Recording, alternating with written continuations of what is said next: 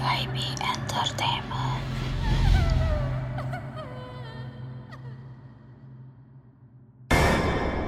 Nah pas turun nih ceritanya mulai dimulai nih. Justru pas turun gue cerita gue nih di pos berapa ya? Kalau nggak salah di pos 3 gue tuh udah capek-capek banget. Tas gue dibawain sama temen gue karena gue udah nggak kuatnya.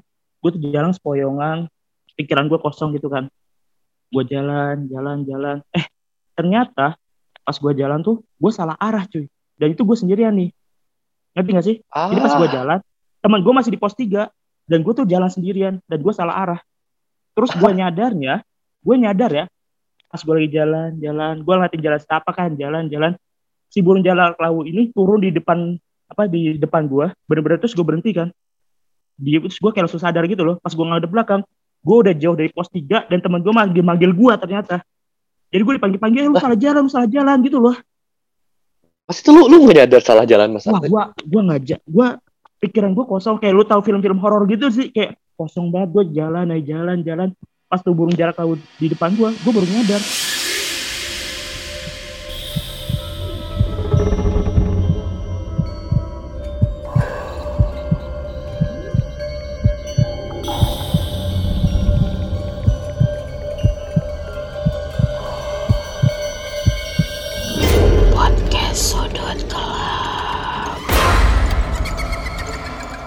Hai guys, selamat datang di sudut gelap. Jangan dulu terlelap, kamu nggak tahu ada apa di dalam gelap. Gue Ivan, dan kali ini kita kedatangan tamu yang sebelumnya pernah ngisi juga nih salah satu episode podcast sudut gelap yaitu ada Mas Gilang. Selamat malam Mas Gilang. malam Ivan waduh Nah, kangen banget bisa ngisi lagi nih datang Ah, lagi ke podcast betul. Tidur gelap Betul, betul. gokil Soalnya satu-satunya tamu yang sompral.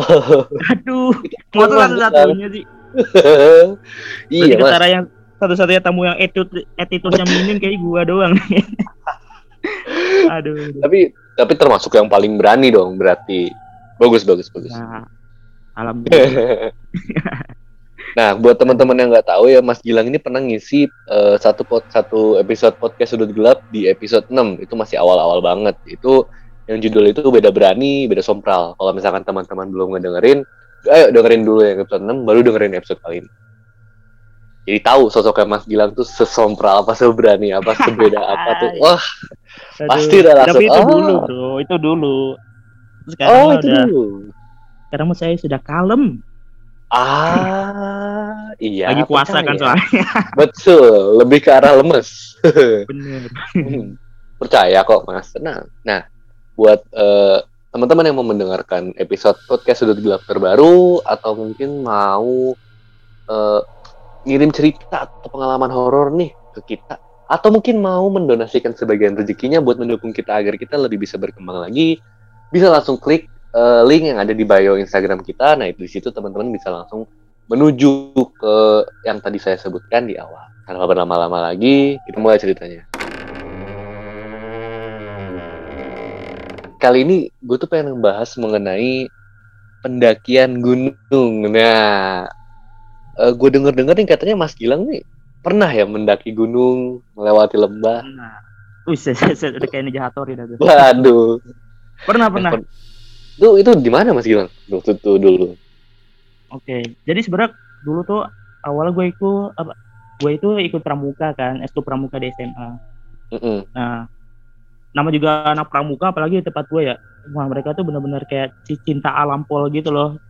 Ah, Nah, gue kan sebenarnya pindahan kan, gue dari Depok, habis itu gue pindah ke Ngawi. Nah, di kota gue yang Ngawi ini, pramuka itu benar-benar kayak getol gitu loh.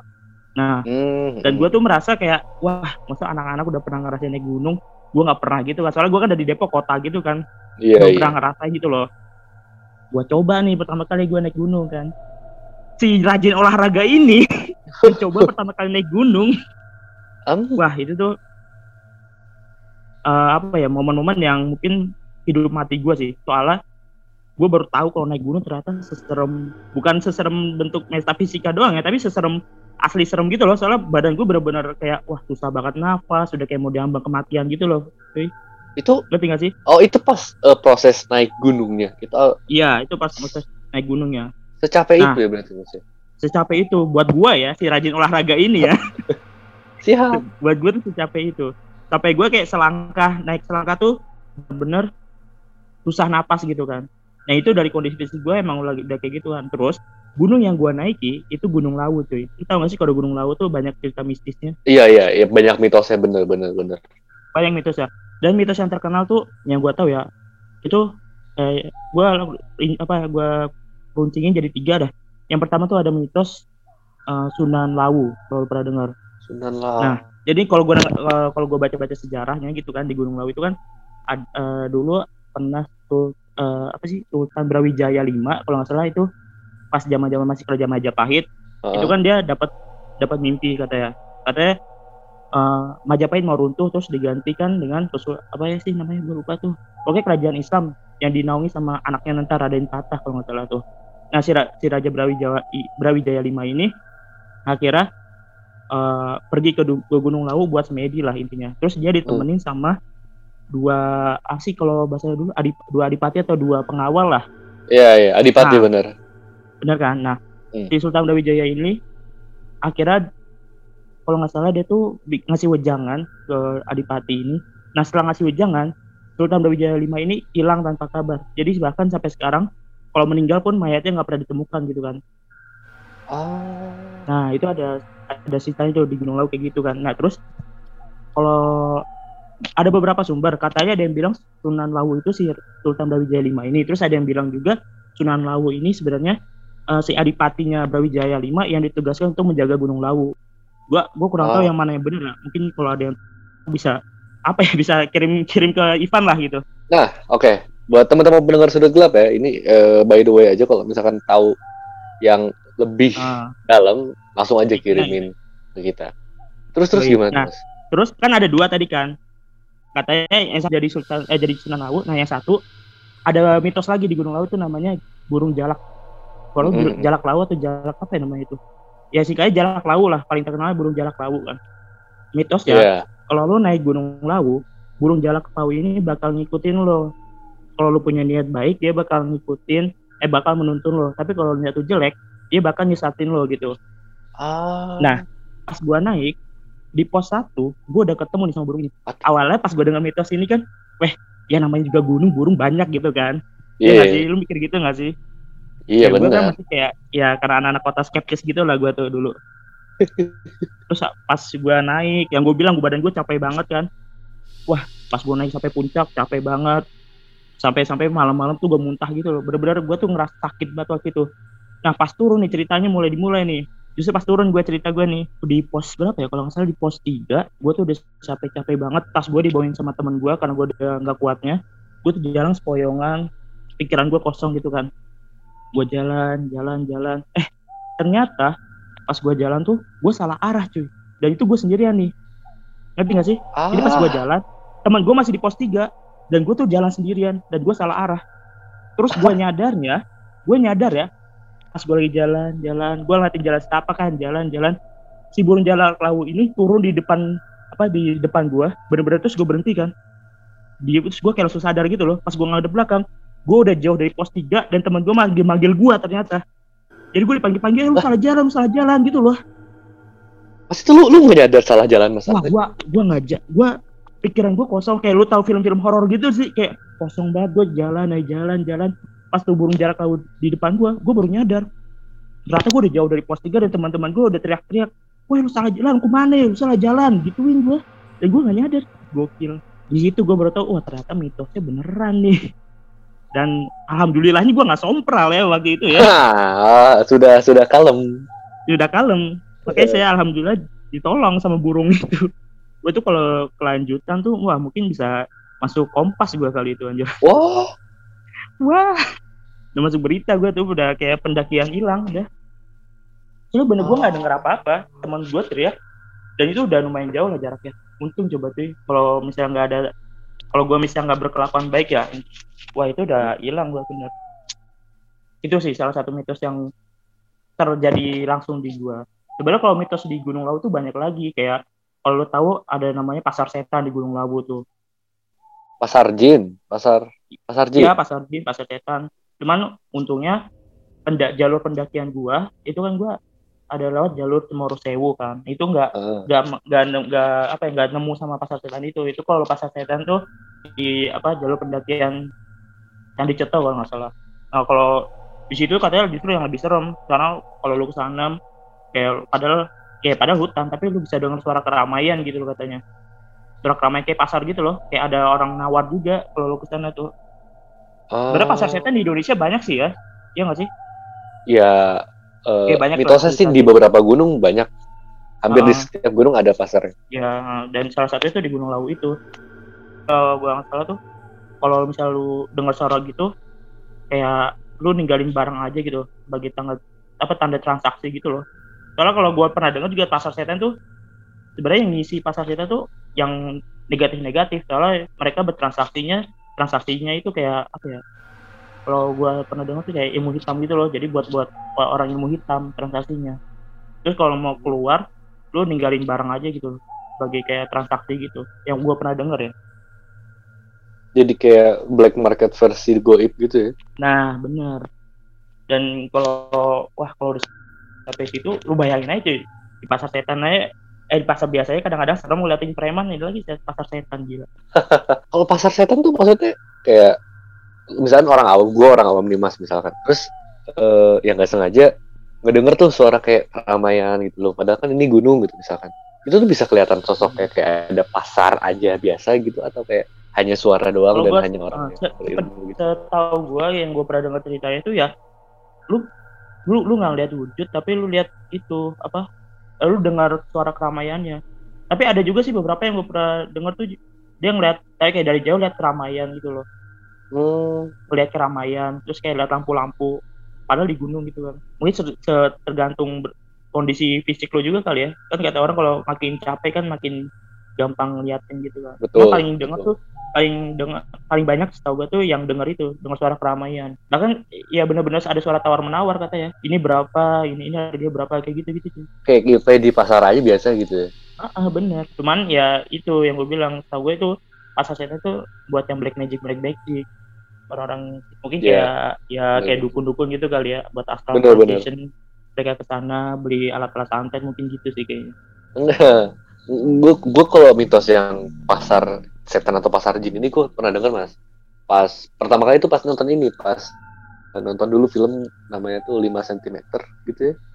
Oh. Yang yang emang itu film horor bukan? Bukan bukan. Terus habis itu ya kan filmnya hype kan. Jadi gue kayak Ah, habis nonton itu tuh gue kayak searching wah 5 cm gunung ini gunung ini gitu-gitu kan. Meru kayak ya? Ya Mahameru kan Hmm. Gunung Semeru jadi kayak searching lah Gunung Meru eh Gunung Semeru kok bagus viewsnya terus habis itu gimana gimana. Nah di situlah gue nemu kayak eh, beberapa artikel ngebahas mengenai mitos-mitos di Gunung Semeru. Ada banyak Kayak, sebenarnya gunung-gunung yang ada pasar setannya katanya. Mm, nah salah satunya tuh waktu itu tuh eh gue baca di eh, Gunung Semeru tersebut tuh ada mitos pasar jin namanya tuh. Nah pasar jin ini Hmm. eh, nggak dijelasin maksudnya pasar jin ini tuh kalau ketahuan sama kita ada atau enggaknya tuh gimana tuh nggak jelasin. Cuman dideskripsiin aja kayak ada pasar tapi isinya tuh goib gitu loh. Kalau misalkan tadi kan eh, lu ngejelasin ini kan mas kalau si pasarnya tuh bisa ada kedengaran suara cuman kalau untuk terlihat atau enggaknya masih eh, rancu gitu. Gue gue belum tahu salah karena gue belum pernah dengar cerita yang pernah lihat gitu loh. Gue pernah taunya yang dengar dengar doang. Oh oke oke oke oke berarti eh, kembali lagi ke yang tadi mitos yang lu alamin nih mas si burung Coy? lawu Heeh. ini Heeh. masih inget gak bentuknya sampai sekarang burung lawu ini kayak gimana sih gue kalau bilang masih kan masih cuman kalau deskripsiin gue susah nih mungkin ah, kalau dibilang deskripsiin ya kayak burung-burung biasa burung kecil terus kayak Mhm. warnanya abu-abu gitu dan gue kan gue bukan si tahu burung jadi gue kira eh, apa ya burung itu ada banyak gitu kan ya gue nggak tahu nih yang ngikutin ini satu burung apa banyak burung gitu kan tapi tahu gue kayak gue nggak apa ya gue nggak tahu tapi kayak gue yakin yang dari awal ngikutin gue yang ini satu burung gitu loh ngerti gak sih gue nggak tahu tapi gue punya Oh. keyakinan gitu loh ah Mm-mm. Jadi pas nah, makanya gue bilang awal datang di pos satu kan udah ada burungnya kan. Nah Iya, itu gue iya. masih kayak oh burungnya masih banyak, burung ada banyak di gunung kan. Terus di perjalanan kita berhenti. Kalau setiap kita berhenti pasti tuh burung juga kayak Ada aja gitu. datang di, di dekat pemberian kita gitu. Pas kita istirahat dia datang gitu kan. Pas kita jalan mungkin agak-agak ngilang. Agak-agak ngilang terus kalau misalnya kita berhenti dia datang lagi. Mungkin kalau menurut gue ya mungkin nunjukin kalau oh kita udah di jalan yang benar gitu kan. Ah, Eh, mungkin ya pikiran gue kan. Soalnya pas yang gue bilang gue nyasar itu dan itu gue udah lumayan jauh si burung itu benar-benar benar-benar persis di depan gue berhenti ya jadi turun dari langit gitu loh mereka turun dari langit set, di depan gue langsung dan gue Oh. yang tadinya pikiran gue kosong langsung sadar langsung kayak Pikiran terkaget terus kayak "Eh, gitu. Heeh, kaget langsung iya. langsung gue kayak langsung dengar suara teman gue manggil yang sebelumnya yang gue bilang tadi gue nggak nggak dengar suara apa apa gue langsung tinggal jalan aja gitu wah itu gokil Hmm, hmm, hmm. Jadi eh, ini ini ini ini ini unik nih. Ini gue baru pertama kali denger nih mitos mengenai Gunung Lawu. Terus kalau belum pernah langsung dengar? ada yang gue belum pernah denger sih mas. Langsung ada yang Hmm. ngalamin tuh kayak ah gitu. Nah Ya, sebenarnya kalau di daerah gua ya, di daerah ya Solo atau Ngawi atau Magit Madi itu udah terkenal banget mitos ini. Atau Oh. mungkin orang-orang yang udah pernah ke Gunung Lawu lah. Mereka kebanyakan pasti udah tahu, udah pernah lihat langsung burungnya. Soalnya burung itu bukan bukannya hal yang langka bisa lu temuin, tapi kejadiannya kayak gua itu mungkin hal yang langka kali ya. Iya iya iya iya iya. Ya kalau misalkan kejadian yang kayak lu nih mas ya, ya masih iya masih untungnya kan lu di, disadarkan lah bisa dibilang tanda Ah. kutip disadarkan oleh burung ini. Cuman kan kalau misalkan yang tidak disadarkan oleh burung ini tidak bisa cerita mas. Benar. Sebenarnya kalau uh, mitos di Gunung Lawu itu masih banyak lagi. Kayak pantangan-pantangan juga banyak. Untungnya kan karena gue bilang tadi gue lagi sakit gitu kan. Dan gue nggak berani pan apa ya, gue nggak berani sompral, gue nggak berani ngelanggar pantangan-pantangan. Gue pantangan-pantangan Hmm. di naik gunung tuh banyak. Mungkin bukan Gunung Lawu doang ya, banyak juga gunung lain juga sama mungkin. Kayak lu nggak boleh uh, apa namanya, nggak boleh mengeluh, terus nggak boleh buang sampah sembarangan. Itu udah wajib lah ya nggak boleh buang sampah sembarangan Ya, nggak boleh ya, ya. ngerusak alam kayak ngerusak alam kayak lu ngambil apa sih eh Ya. kayak nyabut nyabut daun tanpa Iya, alasan iya, gitu iya. loh atau matiin ranting tanpa alasan sama nggak boleh pakai baju hijau. Cuma kalau nggak boleh pakai baju hijau ini sebenarnya udah kayak umum gak sih? Di mana mana juga banyak yang gitu. Lu setahu setahu setahu gue malah kalau yang nggak boleh pakai baju hijau di pantai selatan gak sih mas? iya tapi di Gunung Lawu juga ada aturan gitu. Dan mungkin gunung-gunung lain juga ada. Nah tapi yang bukan boleh pakai baju hijau ini kan gue punya saudara yang eh, suka banget apa daki gunung juga kan. Dia Ah. bilang dia pernah dia bilang dia pernah pakai baju hijau dan gak apa-apa. Nah mungkin pandangan gue adalah kalau lu datangnya misal lu pakai baju hijau tapi karena lu nggak tahu dan lu nggak siap ngerti nggak sih jadi bukan karena lu sengaja mere- mereka bakal oh mereka dia nggak tahu mungkin mereka bakal masih bakal fine kali ya tapi kalau misal lu datang kayak sengaja lu pakai baju hijau buat melanggar pantangan buat nunjukin eksistensi lo gitu mungkin itu yang Hmm. bisa bikin celaka kalau menurut gua ya Hmm, hmm, hmm, hmm. Karena ya lu udah tahu lu masih ngelanggar gila nah, kali. benar benar soalnya emang ngerti ngerti. Iya soalnya kan ada juga orang gitu kan. Mereka kayak nggak ngerasa nggak percaya terus tiba-tiba datang eh ya Mungkin. pakai itulah buat nantang. Tapi ada juga yang kalau lu lihat video mungkin lu kayak pernah lihat ada video orang pakai baju hijau tapi nggak kenapa-napa tuh yang mungkin menurut gue pertama dari niatnya sih. Lu niat lu buat nantang apa emang niat lu nggak tahu gitu loh. Hmm, makanya menurut gue yang ada fenomena gitu penjelasan gue kayak gitu sih jadi pertama dari niat lo Ah, oke oke, make sense, make sense, make sense. Hmm. Nah saat itu nih mas, pas lu di, diketemu ini sama burung lawu ini, lu pakai baju apa mas? wah gue gue lupa. Gue pakai seingat gue gue pakai baju putih jaket hitam. Kalau gue udah tahu tentang ini. Apalagi gue dulu pramuka eh, yang gue bilang kan gue pramuka ya di pramuka itu juga udah diajarin kalau di alam tuh sebaiknya gini gini. Gini kayak contoh di alam misalnya pas naik gunung jangan ngeluh. Itu kan Ah, tahu gue ya ini tahu gue ya gue kayak perspektif gue tuh mengandangnya lu tahu gak sih kenapa orang tua zaman dulu kalau sepedi di gunung? Kenapa? tahu gue kalau semakin tinggi datarannya itu semakin dekat eh, doa lu terkabul dengan Tuhan. Semakin dekat lu dengan Tuhan kan? Filosofinya setahu gue gitu ya. Oke, Kenapa oke, orang- oke. berdoa pakai harus naik gunung segala? Karena semakin tinggi semakin tinggi lu maka lu akan semakin dekat sama Tuhan gitu loh. Maka doa Oke, lu akan oke. semakin cepat terkabul. Filosofinya kan tahu gue dulu gitu. Makanya kenapa jangan ngeluh? Dia kan kata-kata itu adalah doa kan? Kalau lu bilang Betul. Kalau lu bilang ah capek nih. Lu nggak boleh bilang capek lu bilang istirahat yuk. Ngerti nggak sih? Kalau lu bilang kalau lu lapar Oh, lu jangan bilang wah lapar nih. Lu jangan bilang lapar tapi ada yang punya makan nggak? Eh, ada yang punya makan nggak? Atau lu aus nih lu jangan bilang aus tapi ada yang punya minum nggak? Kalau gue di pramuka diajarin gitu cuy. Oh. Heeh.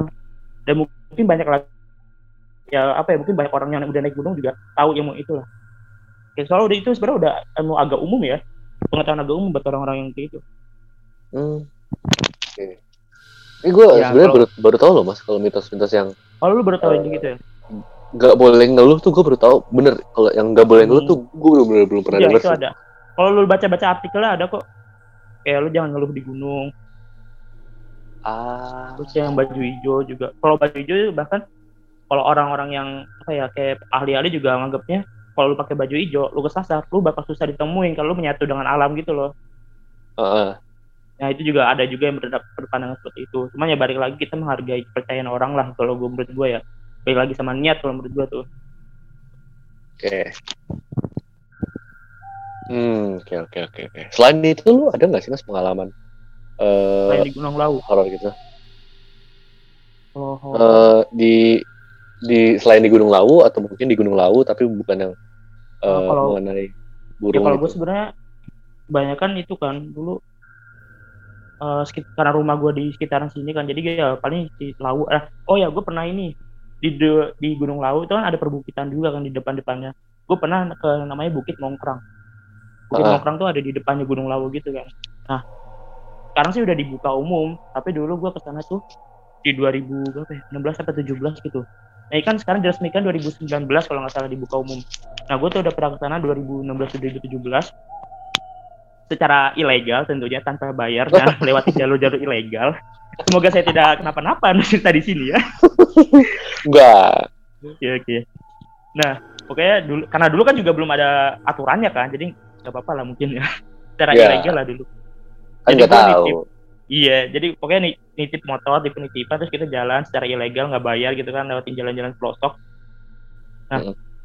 itu gue pertama diajak sama teman, ya teman pramuka juga diajak soalnya emang view-nya bagus banget. Ya namanya juga pemandangan alam ya view-nya tuh bagus banget deh. Kayak rumput ilalang gitu kan. Kita kan emang dulu zaman-zaman my trip, my adventure gitu tuh Ah, ah, berusaha berusaha mencari spot-spot terbaik buat Instagram. Nah jalan tuh. Nah di satu momen di gunung di Bukit Mongkrang ini itu kan eh seingat gue kita ngelewatin pertama kayak ngelewatin sawah-sawah warga, terus ngelewatin hutan, terus ngelewatin habis hutan eh medannya medan ilalang rumput ilalang gitu kan, padang ilalang. Nah habis Hmm. padang ilalang itu ada medan yang hutan juga, tapi hutannya kecil. Kayak hutannya cuma berapa apa ya? Kayak selapangan bola gitulah hutannya, kecil. Oh, oke. Kebayang, Nah, kebayang. hutannya kebayang. hutan hutan kecil kan. Di hutan itu yang tadinya kita bercanda-bercanda langsung pada diem. Hawanya bener-bener hawanya bener-bener kayak mencekam gitu loh, bener-bener kayak merinding langsung pada diem kan. Set, terus kita lewatin hutan itu terus eh, ada rumput ilalang lagi nih. Udah. Terus habis itu sampai puncak. Nah, habis puncak kan pokoknya foto-foto terus kita turun lewatin hutan itu lagi dan itu balik lagi. Pas kita di foto-foto puncak tuh happy pas eh, turun ke hutan yang tadi itu yang hutan kecil itu balik lagi suasana kayak wah kok kayak gelisah kayak bener-bener mencengkam gitu kan nah turun sampai bawah. Baru pas sampai bawah kita cerita. Oh ya ini mungkin buat info juga nih buat orang-orang yang pengen apa ya menjelajah alam. Gue juga diajarin di pramuka nih. Pokoknya kalau lu ketemu hal-hal mistis atau ketemu hal aneh lu jangan cerita di tempat cuy. Lu cerita pas Ah. udah pulang. Ya, benar-benar. Kalau mit kalau eh, bukan mitos ya, kalau misalkan eh Hmm. pelajaran atau anjuran yang ini gue gue gue gue pernah dengar, gue pernah dengar, oh, lu pernah dengar itu ya? Pernah dengar dan ya Nah, gue gue gue gue gue gue terapkan sih kalau yang ini kalau yang ini. nah. Terus terus soalnya eh ya soalnya kebanyakan gitu kan kayak mungkin cewek-cewek ngeliatin weh eh lihat ada kuntilanak kuntilanak goblok malah diomongin anjir berarti juga kayak lu iya betul. mereka tuh mereka tuh ngerti apa yang apa apa yang kita maksud itu apa yang kita omongin kalau lu omong gitu malah mereka ngikutin lu mending kalau lu orang baik-baik aja kalau misal lagi di hutan tiba-tiba lu kesurupan ya repot kan Iya makanya benar. itu mungkin ya itu kayak attention ban buat orang-orang yang pengen ke alam lu kalau ketemu apa apa jangan langsung diomongin pas udah sampai rumah nah ba- balik lagi ya pas gue udah sampai pas gue lagi makan-makan nih kan habis Hmm. itu memakan ke warung baru pada cerita eh gue belum ini gak sih awalnya gue bilang gue bilang duluan kan sana gue kira gue doang yang ngerasain eh ternyata semua orang pada ngerasain kita searching dah tuh di internet ternyata di Bukit Mongkrang itu ada mitos Eh, di sana tuh ada siluman babi yang Heeh. menjaga sebuah harta.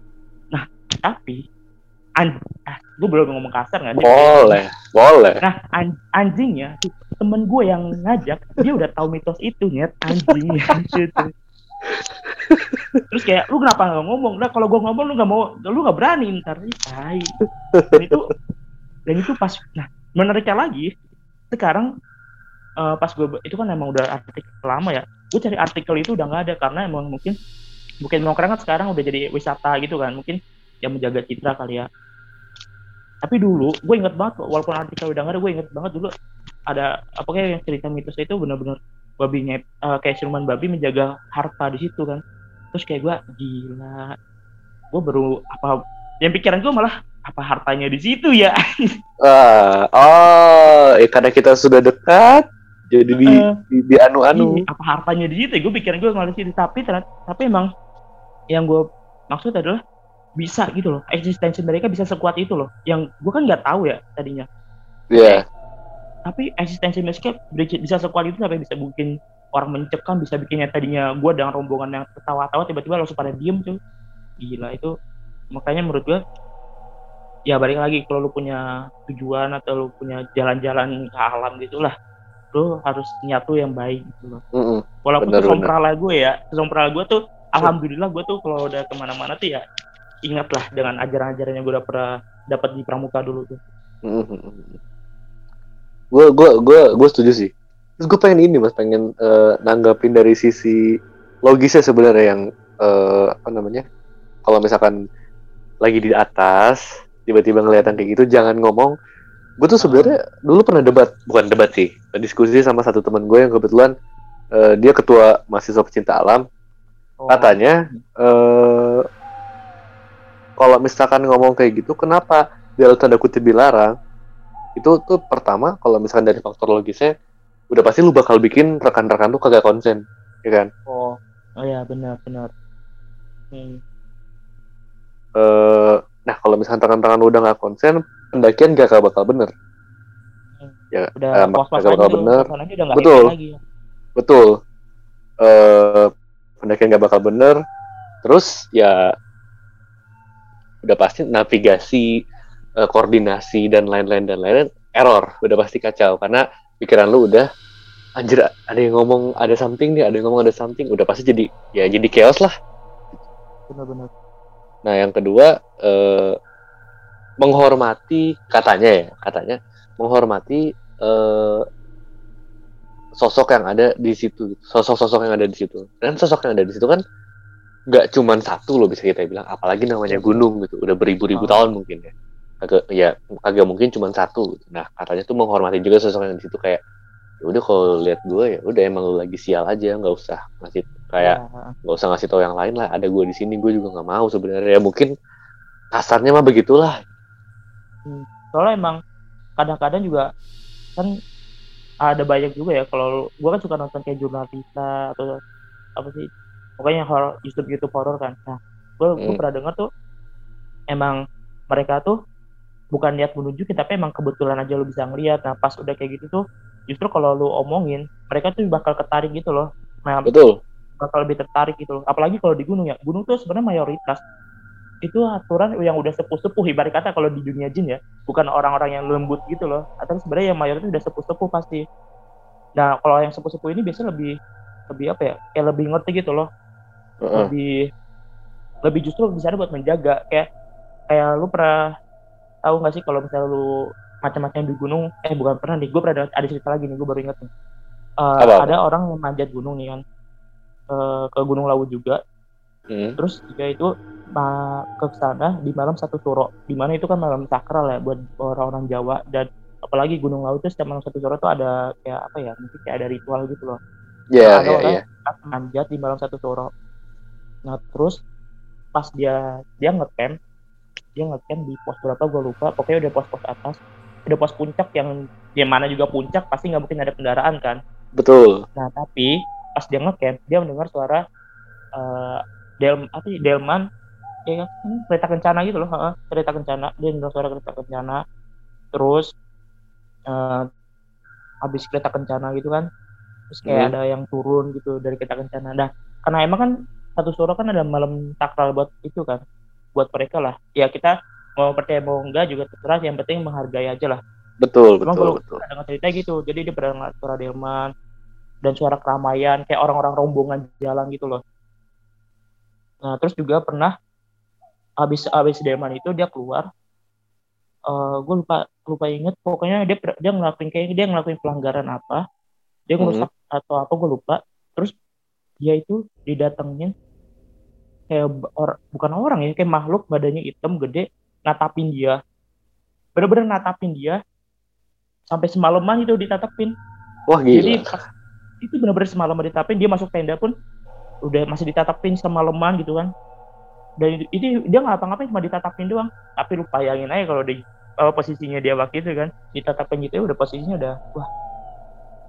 Eh, nah itu Ah. maksud gue jadi eh, mereka mungkin karena udah sepuh-sepuh niatnya nggak mengganggu lebih mungkin menjaga kalau niat lu baik ya aman-aman aja tapi kalau niat iya lu Nah, yang niat jelek ya bahayanya lebih bah- mengancam cuy. betul betul Mm. kasarnya gini mas lu diliatin sama orang yang nggak lu kenal aja kan gak enak ya Nah, kan nggak nyaman gitu loh itu- apalagi itu di diliatin apalagi di puncak posisinya pasti dingin kan puncak gunung kan. Habis itu gelap, diliatin satu orang. Dia waktu itu berdua sih, seingat gue dia waktu itu berdua. Nah, jadi tuh nah, pembelajaran pasti buat orang-orang yang mau naik gunung.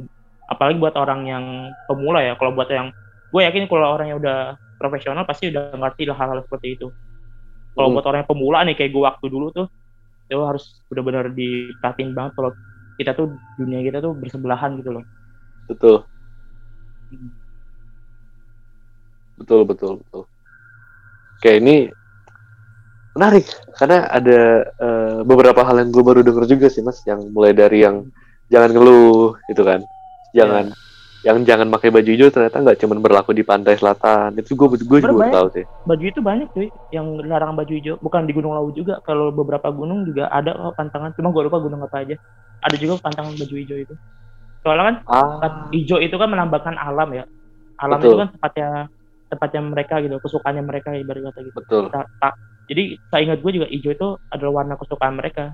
Jadi bukan apa bukan gimana mana tapi takutnya malah ada yang jahil gitu dengan karena warna kesukaan gitu kan. Ah benar. Setuju setuju setuju setuju. Oke sama ini sih mas tadi yang eh, lu bilang apa namanya tiba-tiba suasananya jadi mencekam padahal mereka nggak kelihatan tapi mereka bisa bikin suasananya jadi kayak gitu gitu. Eh gue se yang gue percaya sih mas ya yang namanya jin tuh kagak bisa ngebunuh. Ngebunuh kayak mendorong lu Iya, Dan lain-lain ya.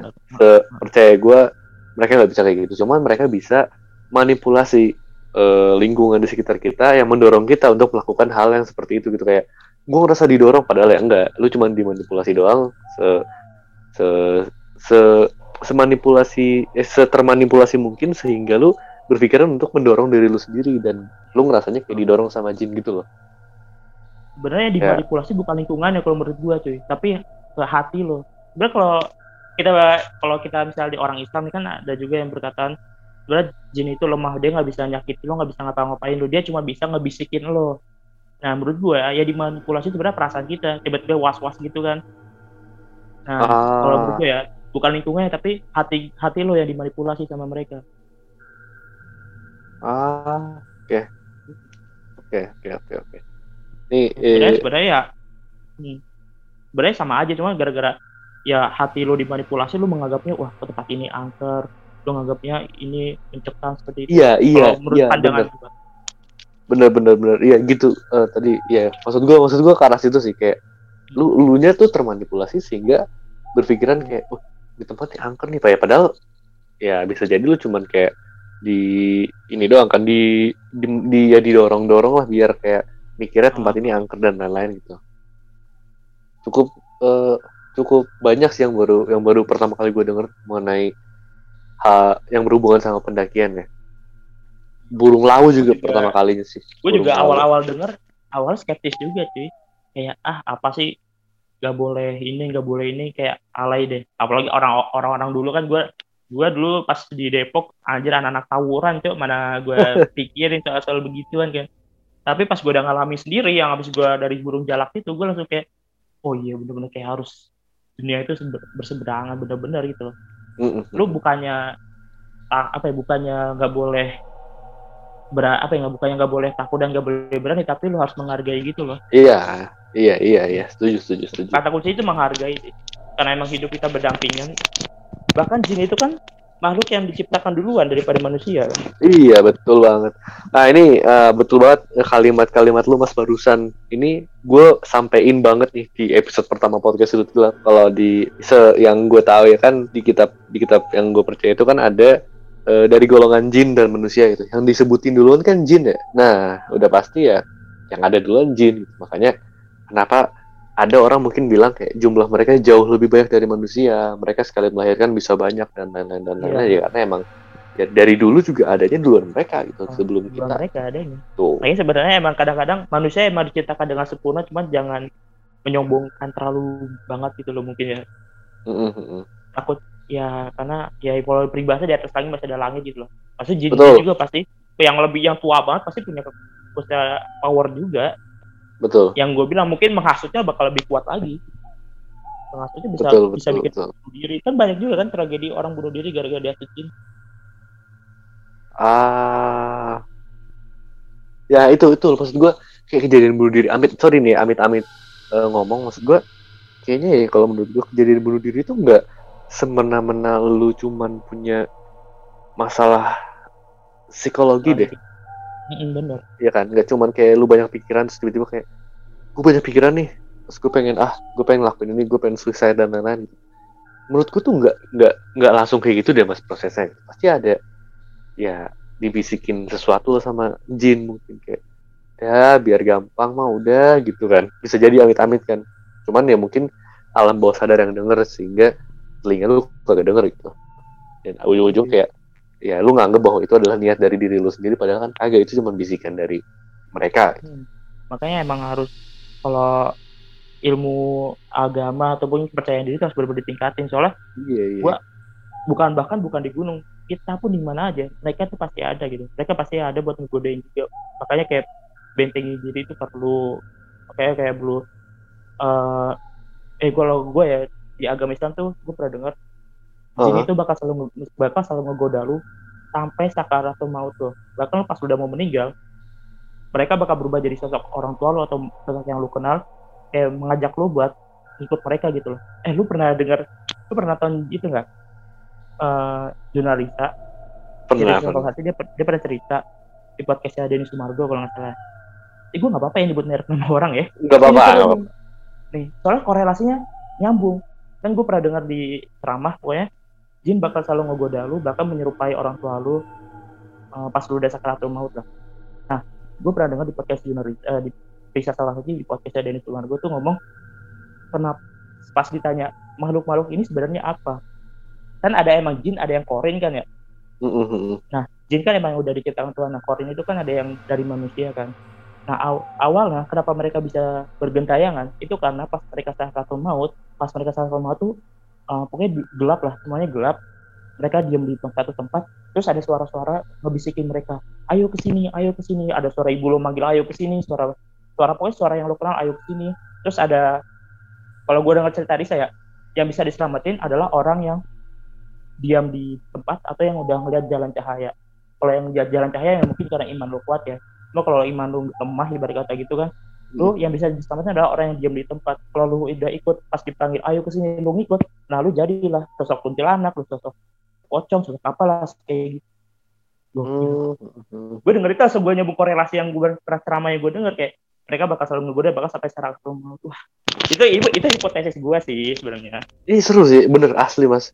Gue jadi kayak barusan lu ngomong gitu ya, kayak yang dipanggil dan lain-lain. Eh, jadi keinget ini satu film yang Insidious kalau nggak salah ya, yang apa namanya, yang di dia tuh kayak eh, pas lagi kesurupan, arwahnya tuh kayak dituntun gitu kayak ke satu eh, satu film-film juga kan gitu. mereka ngambil referensi dari pasti ada itu apa eh, cari-cari infonya juga kan. Ada risetnya juga pasti mereka film-film gitu. Kayak misalnya film-film Indonesia lah, pocong kuntilanak tuyul kan beneran ada bentuknya. Karena mereka pasti udah riset dong. Ah, Kalau ah, gue dengar ya, kalau gue dengar penjelasan itu ya apa yang Ah. YouTube YouTube paranormal mereka kan pasti udah pada riset makanya Hmm. film-film itu sebenarnya ya bisa jadi pembelajaran juga sih buat kita. Iya, ya tergantung tergantung kitanya menanggapi filmnya gitu kan. Tapi kalau ngomongin soal dunia mistis nih emang gak ada habisnya sih cuy. Kayak rahasia alam tuh banyak banget.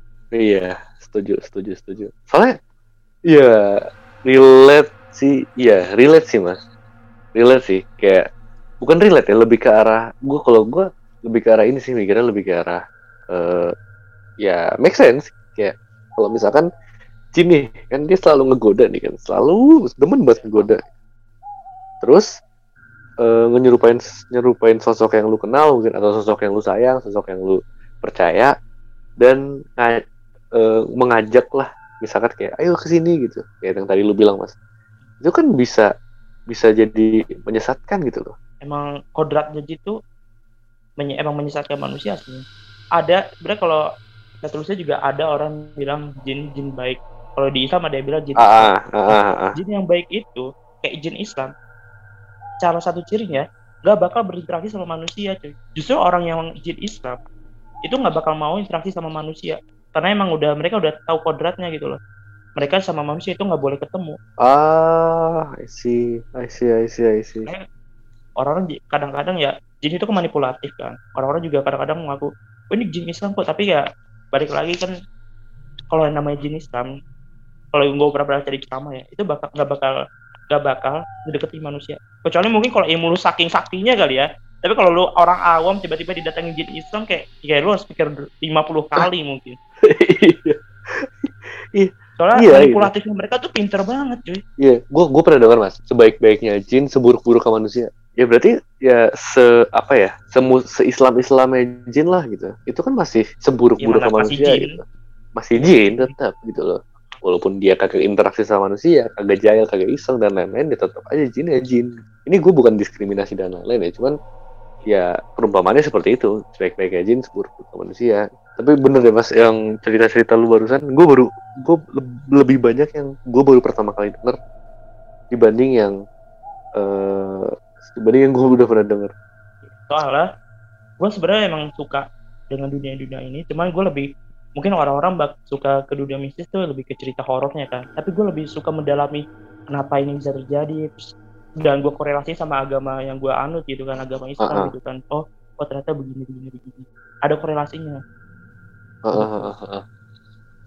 gue lebih suka yang gitu loh. Jadi gue lebih suka riset terus gue penjelasan secara ilmiah kayak gimana. Bener-bener cerita gitu loh gue lebih daripada cuman horor yang takut-takut gitu loh. Gue lebih suka yang cerita horor kayak gini.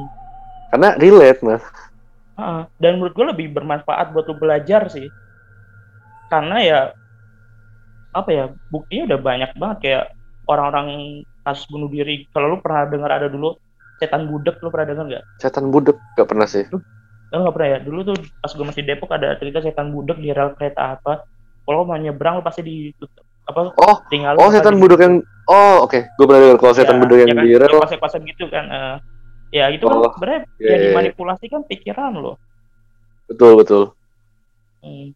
Ya, makanya kayak ngebentengin diri itu perlu. Gua, gua walaupun gini-gini, dalam perasaan perasaan gue ya gue masih berusaha gitu buat bentengin diri. Oke oke oke oke oke. Ini ini kalau ngebahas ini kagak bakal selesai nih mas sebenarnya nih mas. iya sih. Benar, apalagi Oh. kalau lo masuk ke lebih lebih dalam kayak cara ngebentengin diri kayak gimana gimana, wah itu lebih seru lagi sih. Gue baru ingat, gue baru ingat. Gue nggak tahu ini benar apa enggak, mungkin ada yang bisa klarifikasi nanti. Tapi gue pernah dengar cerita, lu naik gunung nggak boleh ganjil, cuy. Oh, Pernah dengar nggak? Pernah itu? denger, gue pernah denger. Kalau ini Iya gue kan? pernah denger. Betul, Iya kan? gue pernah denger, gue pernah denger. Iya kan? Ya ya ya ya ya. ya. Nih, iya ini tuh sa saya dan enam orang teman saya orang ya kan saya dan enam orang teman saya Nah. iya, iya. satu tambah enam kan tujuh ya ya mungkin gue kalau gue belum tahu penjelasan soal ini sih kenapa nggak boleh ganjil ya. Cuman mitosnya udah terkenal sih kayaknya itu